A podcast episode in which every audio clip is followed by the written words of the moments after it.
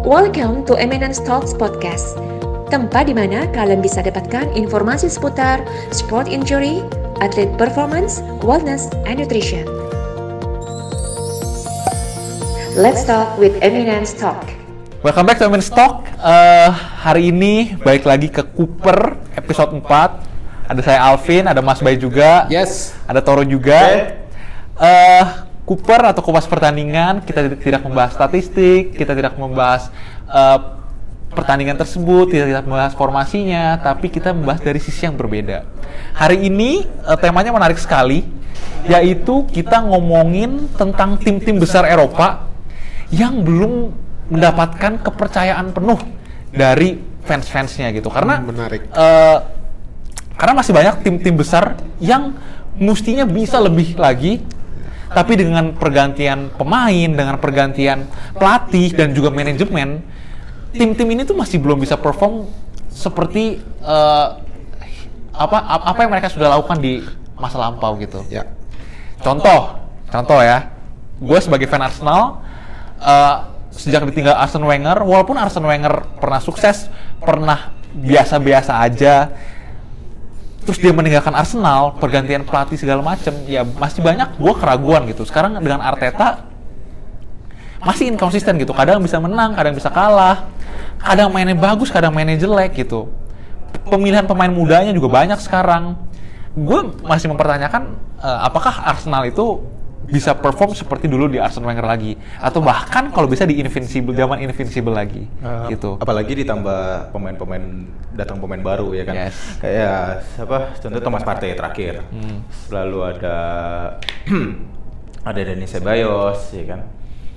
Ya benar sih kalau misalnya kita ragu sama tim-tim yang kita sukai atau kita fans di di luar negeri itu dengan kedatangan kedatangan pemain baru yang harganya bisa dibilang cukup tinggi juga bagi klub kita sih pengen sih ada ada keinginan gitu lebih gitu dibanding eh, tahun-tahun sebelumnya gitu kan apalagi kalau Contoh kayak lu kan pendukung Chelsea kan. Iya. Chelsea sekarang belanja pemain banyak banget, pemainnya top-top semua. ya Tapi pelatihnya Frank Lampard gitu. I- iya sih jadi jadi menarik nih kalau bahas Chelsea gue sendiri sebagai fan Chelsea juga kayak ngelihat Chelsea itu eh gimana ya? Di luar ekspektasi lah. Gitu di luar ekspektasi. Datengin Ziyech, Werner, Havertz terus si Thiago Silva walaupun gratis. Mendy kiper dari Rennes gitu kan. Nah ini Lampard masih bingung nih. Karena kadang Lampard masih ngubah-ngubah formasi gitu. Ngubah-ngubah formasi. When eh, awal datang Werner Lampard bilang mau jadiin striker eh, tunggal di depan. Tapi eh, beberapa pertandingan beberapa liga eh, beberapa la- beberapa laga dia mainnya di kiri karena si Pulisic lagi cedera gitu kan. Jadi dia menggantikan Pulisic. Padahal di situ ada eh, pemain muda macam kayak CHO atau kalau macam Odoi atau si Mason Mount bisa di- ditarik ditaruh di winger kiri gitu. Tapi memaksakan masih Werner. Padahal Werner itu striker buas kalau kata coach Justin. Kalau kata coach Justin itu dia striker buas gitu kan. Ya.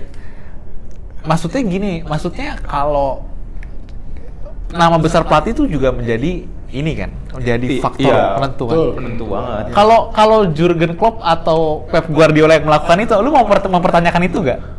Enggak juga kan? Hmm. Ibaratnya kita udah percaya, oh nih Iya. orang nih udah pelatih ini udah na- punya nama besar, Betul. udah membuktikan semuanya. Tapi dengan Lampard itu nama Lampard Iya. yang kalau main bola kita udah tahu bagus, tapi jadi pelatih kan masih baru kan. Betul. Kita mempertanyakan setiap gerak geriknya kan. Karena eh, beberapa kalau dilihat sejarahnya pemain yang berubah jadi pelatih nih memang eh, nggak s- nggak 100% dia bisa Langsung. langsung kan Langsung, ya kan? iya.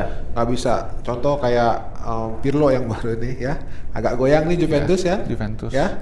Eh, kalau nggak ada CR yang corona kemarin bisa repot juga gitu. Ini kon- konsistensi Pirlo ya memang dia bagus waktu pema- main manajer di Iya. lapangan waktu dia jadi pemain tapi waktu manajer di luar lapangan ah ini agak-agak kurang ini nih makanya perlu perlu memang eh, nggak semua nggak semua pemain hebat atau eh, mungkin gelandang biasanya Iya. ya yang sebelumnya bisa jadi pem- eh, sebelumnya pemain hebat bisa jadi pema- eh, pelatih yang Pelatih. hebat juga gitu sih.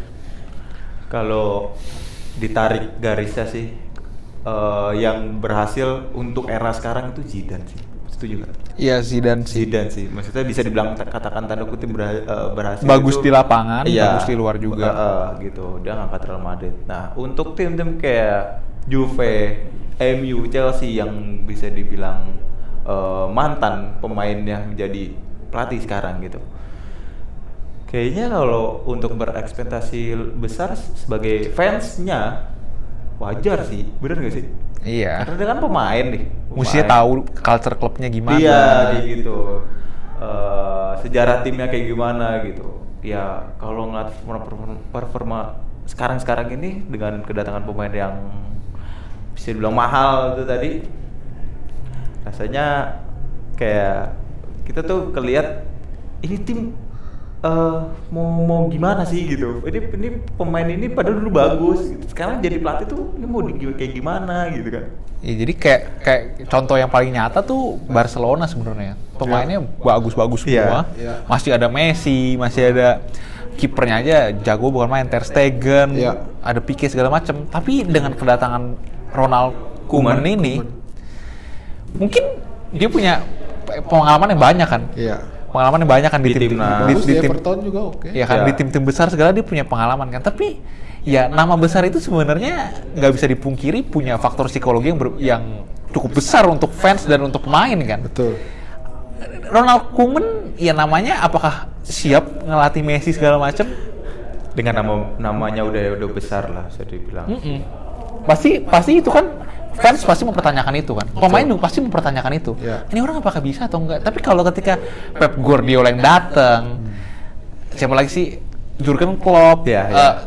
as- apa Simone, Diego Simeone. Di- Diego Simeone. Iba- Ibaratnya dia udah ngebuktiin semuanya gitu loh. Iya. Tapi dengan kedatangan pelatih-pelatih yang baru ini dan mungkin namanya juga belum begitu bersinar, pasti ini dipertanyakan gitu. Betul. Jadi mungkin eh, itu dari sisi pelatih kan yang kita dari tadi bahas kan. Betul. Tapi menurut gua itu eh, faktor pemain juga besar di situ. Ya. Contoh ya, kalau kita bisa dibilang contoh, MU tuh udah udah contoh paling nyata pemain itu mem, mem- men- menyetel lah, menyetel klub itu mau dibawa ke mana. Pergantian pelatih yang bagus-bagus, ada Jose Mourinho segala macam.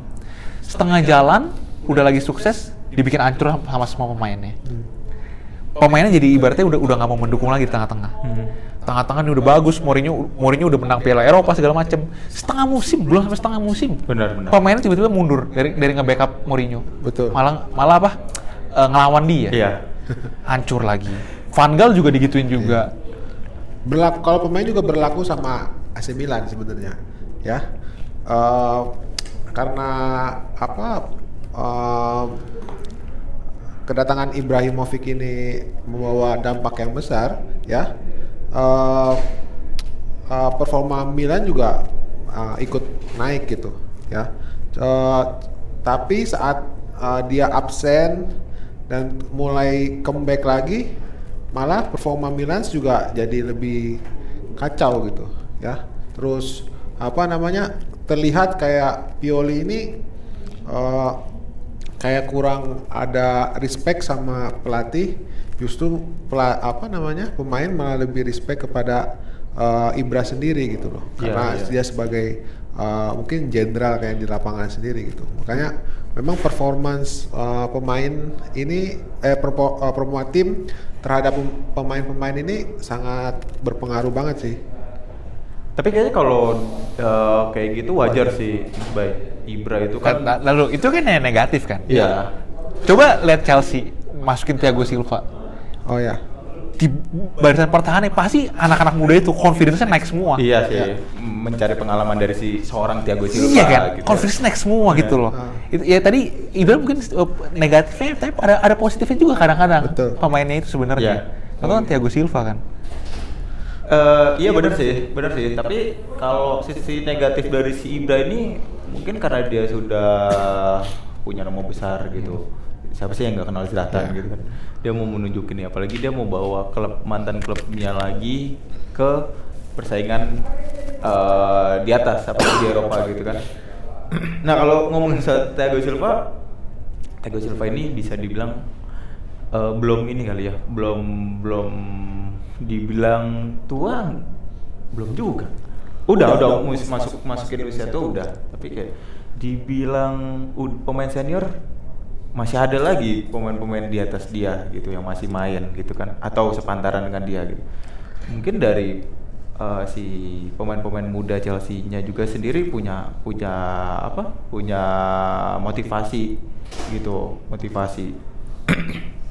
Beda lagi kalau dari AC Milan kayak cuman si Zlatan doang ya Mas Bay? Iya. Zlatan doang ya yang yang jadi dijadiin apa ya? Benar tadi kayak si Piolinya malah nggak didengar. Benar. Tapi malah si Zlatan yang di tanda kutip bisa Iya. didengar gitu kan. banyak pelat emang eh, pelatih sama pemainnya kan sebenarnya relationshipnya itu ya harus benar-benar chemistry-nya harus bagus gitu. Mm-mm. Ada yang eh, kalau gue pernah baca kayak psikologinya pelatih gitu ya, sebenarnya eh, bukan pelatih yang hebat, cuman pelatih yang bisa eh, punya eh, apa namanya eh, punya bisa mempengaruhi gitu loh. Ya. Kalau strategi, Ya. strategi defense, strategi offense itu semua pelatih pasti bisa lah. Ya, ya. Tapi kalau uh, dia punya karisma, dia punya kayak uh, ada apa istilahnya ya? Kayak uh, indra indra keenamnya tuh yang bisa uh, patuh gitu ya. Iya, iya, Dia iya. biar patuh itu itu sih yang yang yang yang yang beda dari pelatih walaupun uh, apa namanya uh, dia megang uh, pemain-pemain uh, level besar gitu Iya. ya.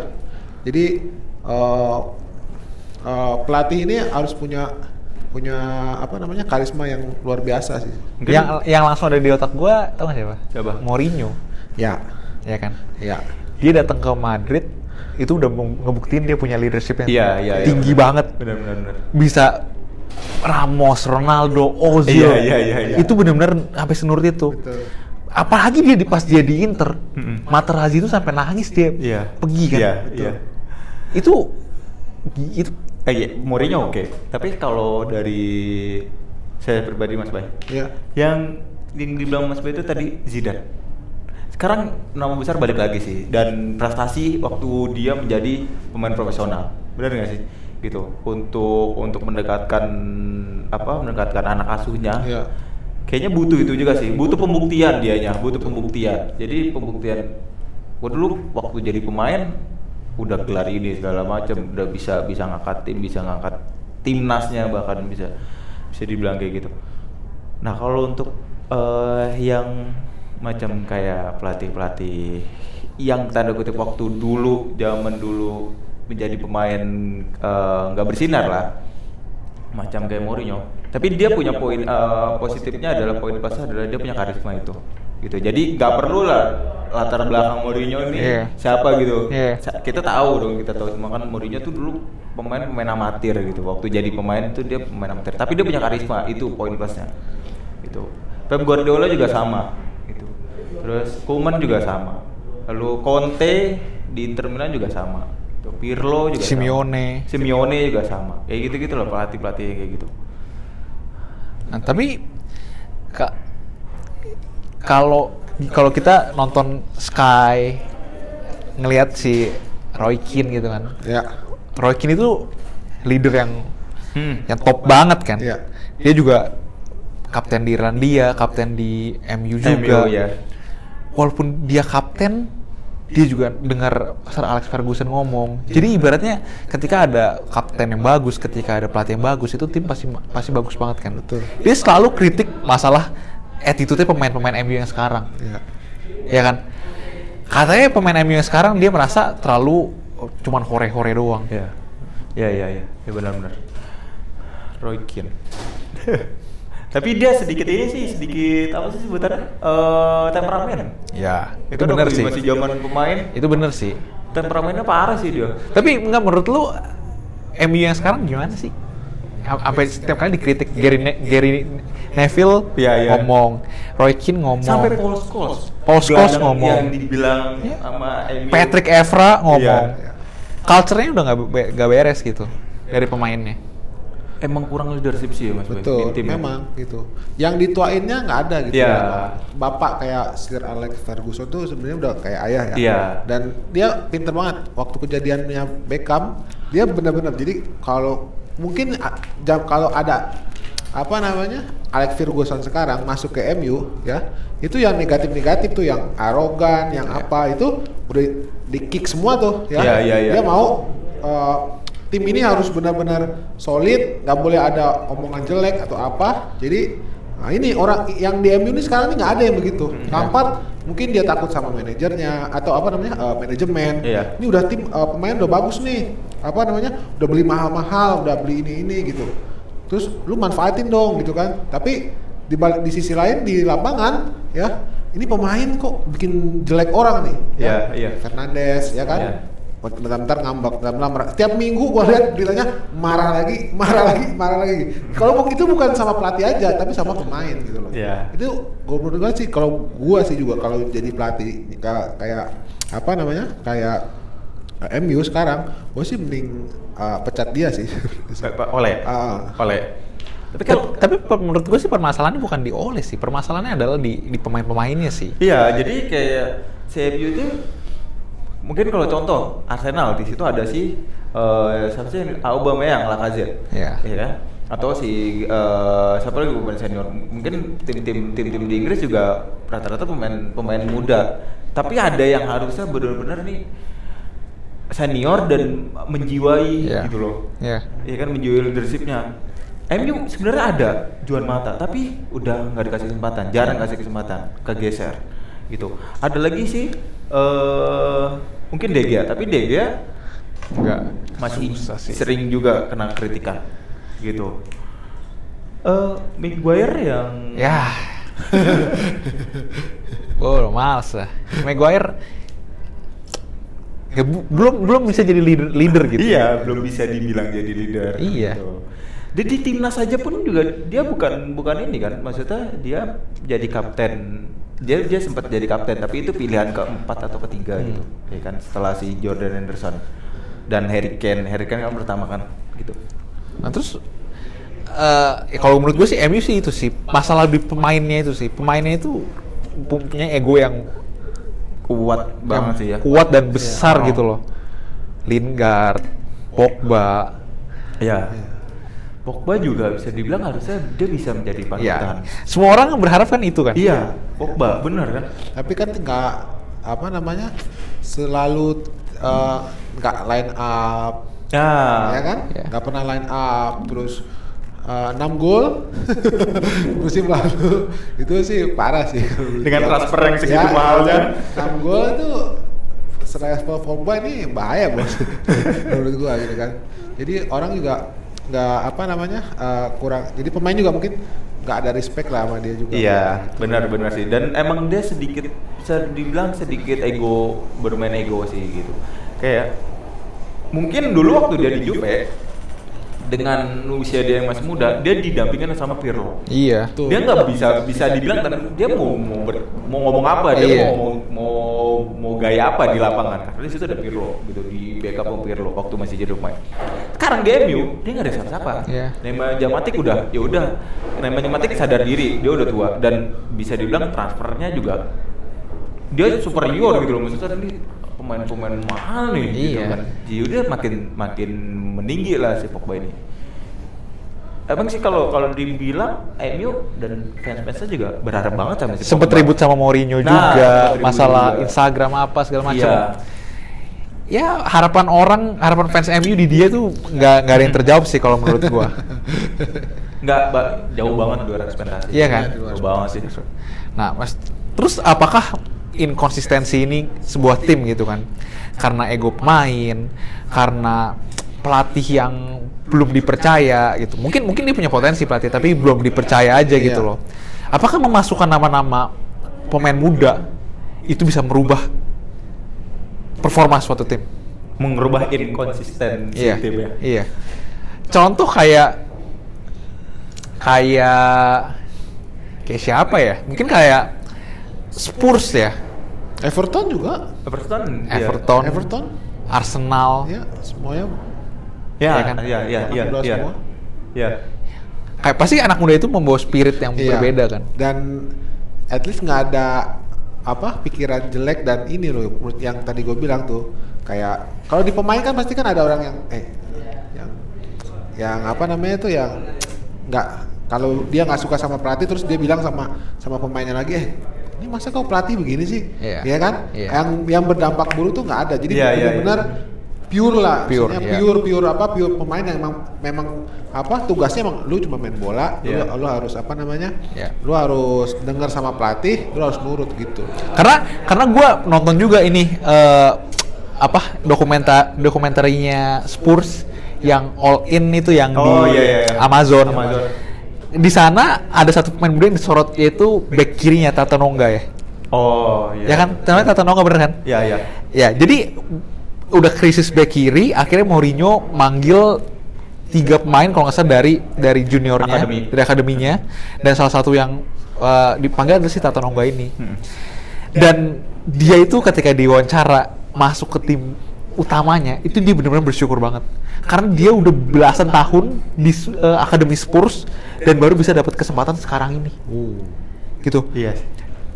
sekarang kalau dia itu masuk ke tim ke tim utamanya kontrak dirubah kontrak akademi jadi kontrak pro Iya. yang harga harganya juga lebih tinggi lagi Dia udah punya harga lah sih. ya kan itu. jadi dia bersyukur gitu loh anak-anak benar. muda itu sebenarnya menurut gue dia bakal kasih nilai yang lebih lagi ya tapi kalau nggak dipengaruhin sama yang orang-orang yang ya tadi kan orang-orang lama orang yang punya pikiran jelek sama tim Iya. itu bahaya sih dan itu pelatih harus bisa lihat gitu loh kalau udah dirasa udah nggak mem- mem- membahayakan tim itu wah Iya. ini udah mulai mesti disingkirin gitu satu lagi yang paling yang kita nggak bisa lupa adalah kalau pemain-pemain muda adalah Ansu Fati sih Ansu Fati. Tapi dia lagi cedera, Bro. Lagi cedera ya? bulan sih beritanya. Eh, kemungkinan main. dia lagi naik down banget itu Iya. Ansu Fati dia bisa ngegantiin posisinya Neymar gila Iya. sekarang di Barcelona Dan Kuman udah ngasih kepercayaan ke dia sih. Gitu. tapi dia bisa perform juga loh Iya. Dan satu lagi Pedri. Pedri juga dari akademi itu Barca. Yang di belakang Messi banget itu dia mainnya. Itu juga bagus sih. Gini sih kalau pemain muda ya, bang, eh, simpelnya sih kayak gini sih Mas Bay. Dia dia masih muda dan masa depan dia ditentuin dia sekarang gitu Iya. kan. Bener Iya. nggak sih? Iya. Kalau dia main udah nggak mau dengerin pelatih, dia maunya dengerin pemain pemain-pemain senior gitu. Ya udah lu lu apa eh, bakal bakal stuck aja gitu. Bakal stuck aja kayak gini. Lu nggak bakal nama lu tuh nggak bakal diprioritasin lagi di tim. Gimana lu mau maju kalau main aja jarang gitu. Starting aja jarang kayak gitu.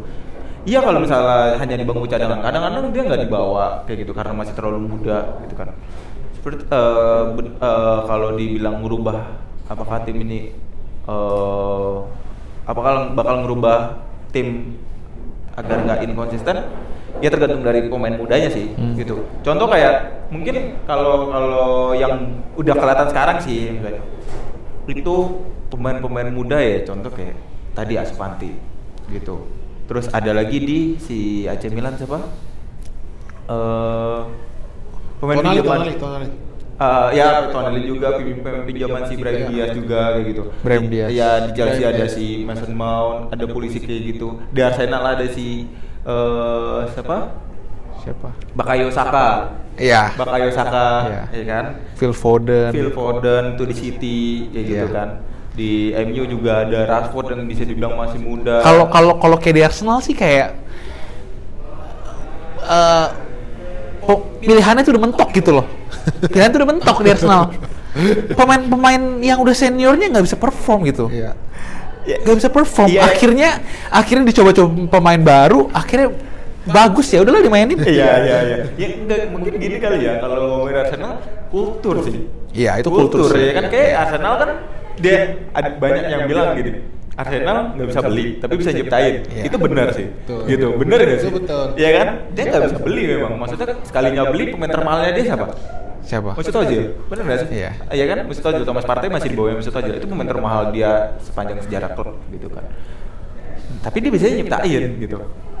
Kayak mungkin Bakayo Saka ini kalau dia tetap konsisten, mungkin dia bisa kayak Theo Walcott atau Iya. si Samir Nasri Iya. gitu kan. Yang yang pendahulu-pendahulunya lah gitu. Terus kalau tadi udah pelatih, faktor pelatih kan, faktor leadership, experience, nah, faktor nama besar. Pemain tadi kita udah bahas juga faktor ego, faktor ya nggak ada leadershipnya, faktor eh, mungkin pemain muda bisa membawa membawa perubahan buat suatu tim gitu. Tapi kita nggak bisa lepas lagi dari faktor manajemen tim. ke ke Manajer tuh hubungannya sama finance berarti. Iya. itu dia. Iya. Keuangan lagi ya. Keuangan lagi. Pendapatan tim. Iya, kayak contoh ya kayak ya, Arsenal lagi. Arsenal kalau nggak nggak mau keluarin uang sama sekali, Betul. nggak mau keluarin uang sama sekali. gitu. Iya, kan? Dikit banget mau keluarin uangnya. Ya sekarang kalau kalau lu nggak berani keluar uang, ya jangan berharap Ya. sesuatu yang Yang tinggi. yang tinggi yang Ya. besar gitu loh.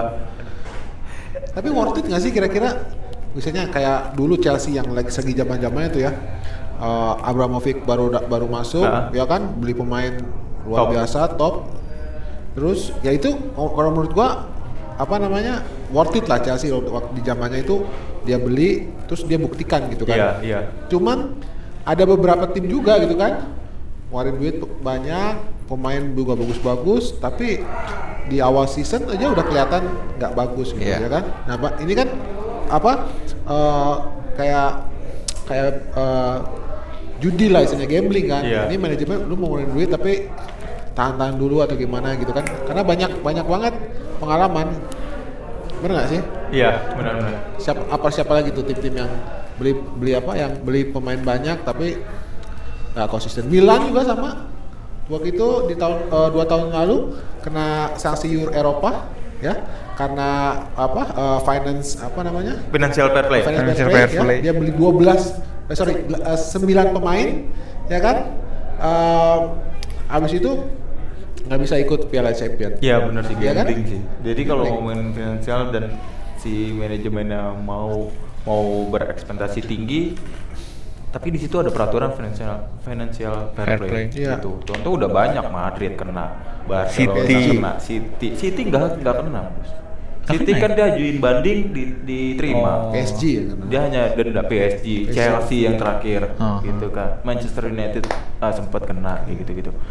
Nah, eh ya kalau kalau untuk sekarang kenapa performa performa tim di Eropa eh, inkonsisten dari sudut manajemen?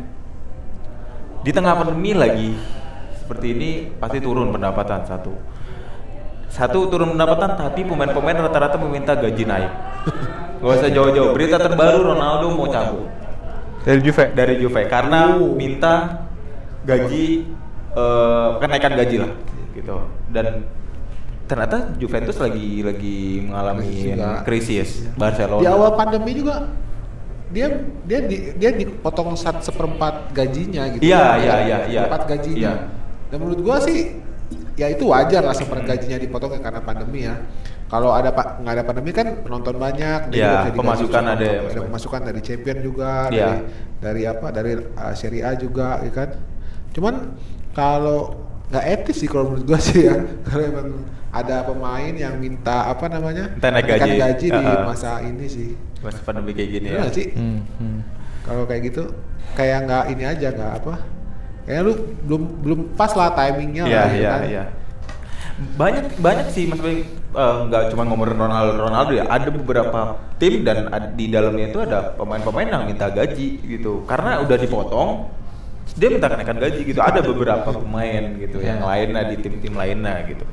Tapi mungkin tim ini memang lagi sehat nggak kayak Juventus yang lagi krisis gitu. Ya udah daripada diminta gaji, ya udah cabut aja. Mungkin dengan eh, penjualan Ronaldo duitnya bisa bisa menutupi si krisis Juventus ini Hmm. mungkin kayak gitu ya kan ya ada beberapa tim lah yang yang udah minat buat Ronaldo walaupun usianya udah hampir 40 tapi nggak bisa bohong sih dia memang masih jadi robot gitu Mungkin nih kalau kalau masalah manajemen ya, Heeh. ada nggak sih pengaruh ke Chelsea ketika pemiliknya Roman Abramovich itu nggak bisa datang ke Inggris lagi?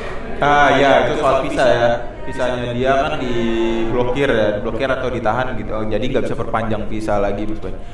Nah eh, pengaruh sih di tim eh, Chelsea yang sempat gue baca sih ya itu nggak nggak nggak berpengaruh sempat sempat goyang Chelsea sempat hampir mau dibeli oleh dari dari Inggris juga dari dari orang Inggris tapi Abramovich bersikeras nggak nggak akan dijual gitu karena dia masih yakin walaupun dia nggak bisa hadir nggak bisa datang nggak kayak dulu gitu dan nggak bisa masuk Inggris dia masih yakin gitu masih yakin bisa memberikan sokongan walaupun dia dari Iya, jauh gitu iya. kan terbukti sih terbukti sekarang Terbukti. nih kan beli pemain Iya.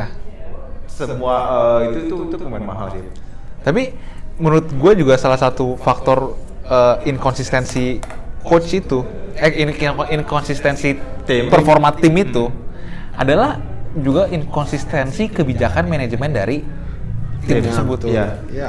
Jadi tim tersebut gitu. iya, iya. gak jelas maunya itu apa. Ya. Gak jelas maunya itu apa. Contoh yang paling dekat itu yang yang kemarin yang dari episode 1 udah, udah gue pernah bilang kan, Iya. yaitu si contoh ke- kebijakan MU menghukum si Mason Greenwood. Iya, masalah iya, iya, masalah masalah di timnas segala macam. Ya kan disiplin timnas. Sedangkan di Manchester City dikasih dukungan penuh ke Phil Foden. Iya, iya. Ini anak muda lah apa segala macam malah Phil Foden bersih ma- Iya. ma- masih bersinar. Benar. Mason Greenwood mal- malah melempem gara-gara gitu. Ya, maksudnya inkonsistensi dalam arti lu harus bisa jelas gitu maunya apa. Lu apakah mau mendukung pemain lu, apakah lu mau eh, memberikan feedback negatif jadi begini gitu. benar Ya kan? benar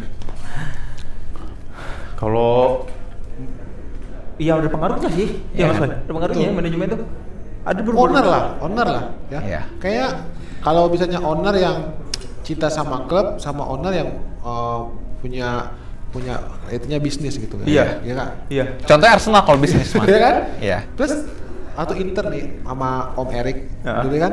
Kalau menurut gue sih bagus ya. Maksudnya eh, dia bisnisnya jalan, performanya juga oke gitu Iya. ya. Waktu Mourinho gitu kan. Eh, apa? eh, tapi kalau misalnya si owner ini maunya duit aja, Iya. bisnis aja ya kan?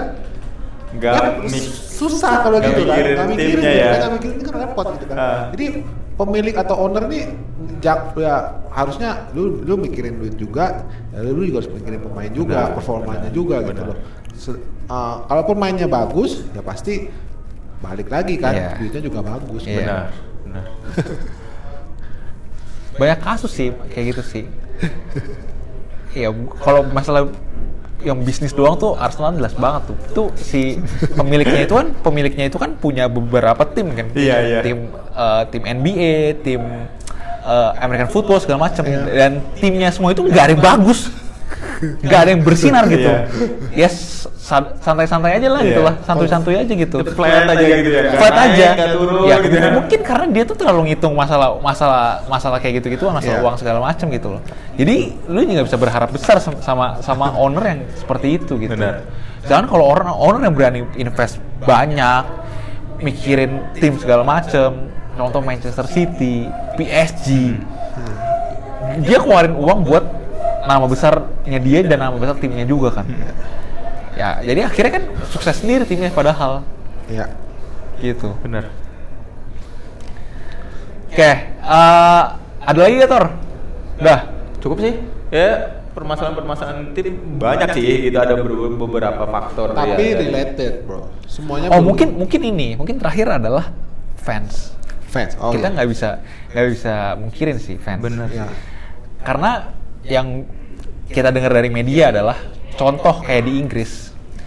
Tim lu udah kalah, apalagi Indonesia ya, di Inggris Indonesia gitu kan. Lu tim lu udah kalah, fans lu tetap di belakang lu ngedukung. ya Apa pun yang terjadi. iya benar. Kalau di Spanyol beda lagi, Itali beda, Beda lagi kan. Ketika tim lu kalah, fans lu malah yang teriakin lu duluan. iya iya iya. Yang menghina lu duluan fans lu sendiri gitu. Iya, iya. Ya ini kan jadi jadi beberapa permasalahan di pemain pemain, pemain besar kan. Iya. Contoh eh Ozil kalau pernah ya di Pernah. di Madrid kan. Iya. Ozil pernah di Dia Madrid. pernah, kan? pernah. Ya kan, Madrid. kena kena sama fans itu. Ya itu kalau si coach Justin bilang sih fans kardus gitu. Itu itu sebutannya itu yang fans kardus ya itu tuh. Jadi nggak mendukung tim lu lagi terpuruk gitu. Bukannya mendukung, bukannya Yes. bukannya memberikan semangat, tapi lu mengkritik. Oke, kritik bagus, tapi mengkritikan lu tuh kritikan nggak membangun, tapi mengkritikan menjatuhkan gitu. Contoh kayak ap- yang yang paling bisa dibilang tanda kutip kasihan sih kalau yang ke pemain gitu. Iya. Ya kan yang ke pemain sendiri.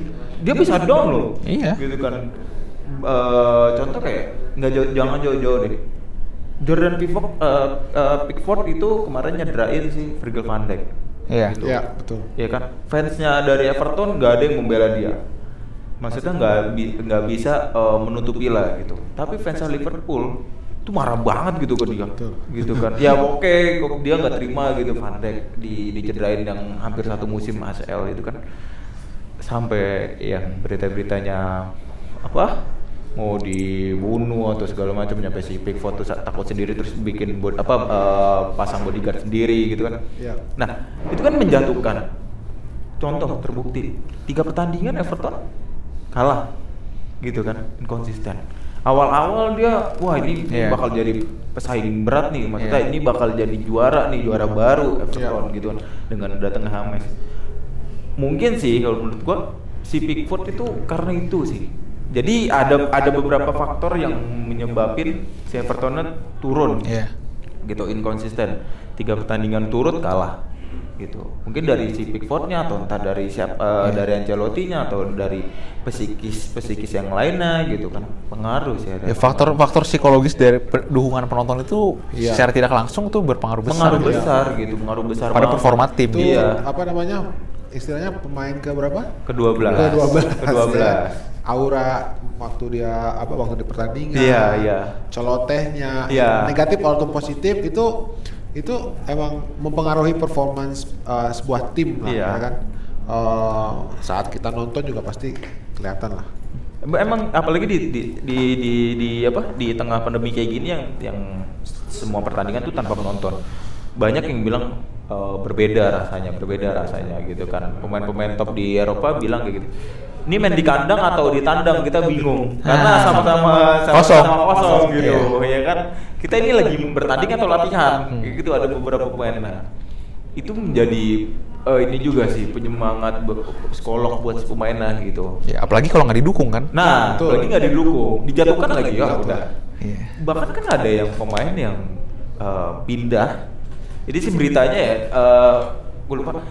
Ada yang pindah klub itu karena supporter, gitu. Ada kejadian kayak gitu dia pindah klub pemain karena supporter nah, dia nggak suka, gitu. Dia mau mau pindah dia saat ah, saking ya bisa dibilang performanya turun atau apa nggak paham gitu kan. Nah, ya, ya kalau jadi supporter sih jangan. Kalau kata Coach Justin lagi jangan jadi supporter kardus sih, ya kan. Tapi setuju sih sama Coach Justin sih. Iya. Oke, eh, gu- gua rasa itu aja untuk hari ini. Eh, ini ini topik ini tuh menarik karena dari keresahan kita bertiga gitu. Betul. Arsenal dengan Artetanya, Chelsea dengan Lampardnya. Lampardnya, dan AC Milan dengan Piolinya. Ah, ah, dengan Piolinya Pioli gitu. dan Zlatan. Ini semua ya. Kayaknya semua semua semua apa semua Fans. pecinta dan fans olahraga ini semua lagi drama semua nih ya. Iya, iya, Tentang benar. inkonsisten apa uh, uh, dalam masa pandemi ini gitu. Benar. Gitu. Oke, gue rasa itu aja hari ini. Eh, thank you Mas Bay, thank you Toro. Terima kasih. Sampai jumpa di Cooper minggu depan. Terima kasih.